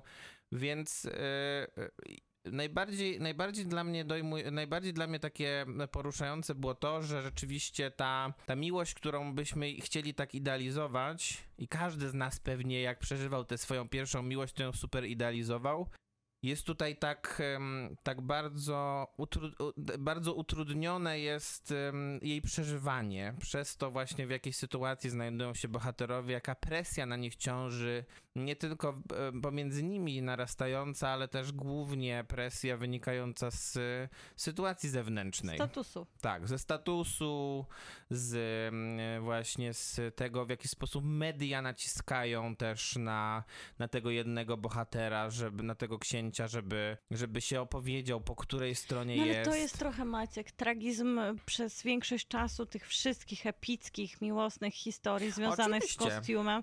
Zawsze tam status stawał na drodze do miłości. Czy to, to nie ma naprawdę znaczenia między kim? Po prostu hierarchia układała tak tą rzeczywistość, że ludzie nie mieli prawa żyć z ludźmi, których To kochają. prawda. Mogli tylko żyć z ludźmi, którzy zostali im wybrani odgórnie i dlatego to są te historie, które do dziś poruszają nas najbardziej. Przynajmniej moje prawda, serce moje tarkają również, spazmy natomiast- płaczu. Natomiast myślę, że ciekawym spojrzeniem jest to, o czym wspomniałaś też, czyli em, ten e, konflikt pomiędzy progresywnością em, współczesnego, współczesnych społeczeństw, e, a w szczególności społeczeństwa szwedzkiego, które wydaje się być pewnego rodzaju takim, em, takim wzorem do naśladowania, bo te kraje skandynawskie są znane z tego, że em, jako pierwsze legalizowały Mhm. małżeństwa, m, e, doprowadzały do tak zwanej równości małżeńskiej, mm, bardzo liberalizowały swoje prawo związane z związkami homoseksualnymi. No ale jak, jak są postawieni w takiej bardzo emocjonalnej sytuacji, to jak widać, nie zawsze wszyscy dobrze reagują. No może to jest właśnie taki komentarz, że tak naprawdę nieważne ile byśmy treści pokazywali takich progresywnych, to dalej są ludzie, którzy nie mogą żyć są- tak, tak. jak chcą. No właśnie, jest to bardzo dobry serial. Wystawiasz mu Y, ocenę Bardzo jakąś? dobrze zagrany to jest serial, bo to jest ważna rzecz. Wystawiam ocenę. ocenę 8 na 10. 8 na 10, serca prosto powiedz. Dokładnie. Z całego serca wystałem 8 na 10 na, na Filmwebie, jeszcze bym zaznaczył takie serduszko. Kinotok. Tuż przed wyjściem do kina. God damn, it's a pretty fucking good To godziny za nami, tak, tak, i zapraszamy za tydzień dla tych, którzy chcieliby się podzielić z tymi, którzy nie słuchali. Oczywiście podcast, który można znaleźć na naszym Facebooku, Kinotok i na wszystkich platformach, na których słuchacie seriali. Jeżeli to są platformy, na których możecie zostawić ocenę, to my chętnie przyjmiemy, ale jest. oczywiście tą, tą najlepszą. Mam wrażenie, że to był taki miły program, bardzo dobre, dobre seriale, Same dobre, dobre rzeczy ostatnio, mamy tak. dobre wybory jakieś. Dobrze. Albo nawet nie nasze wybory, po prostu dobry content jest. W przyszłym tygodniu jedną z recenzji, którą na pewno zrobimy, to jest polski, polski film Najmro. I tutaj też zapewniam, że będzie dobrze. To jest prawda, wszyscy zapewniają, którzy widzieli. I możemy też chyba zdradzić, że będziemy mieli prawdopodobnie tajemniczego gościa z Australii. Gościa za- Mm, za dwóch oceanów. Dokładnie. Więc na pewno jest e, na co czekać. No polecamy się, polecamy. Oczywiście, jak Przyjaciółom, rodzinie, wszystkim bliskim należy też nasz po polecić, jeżeli się... Pozdrawiamy Krzysztofa, który jeszcze Tak, przez przynajmniej serdecznie. dwa tygodnie odpoczywa. Dziękujemy bardzo.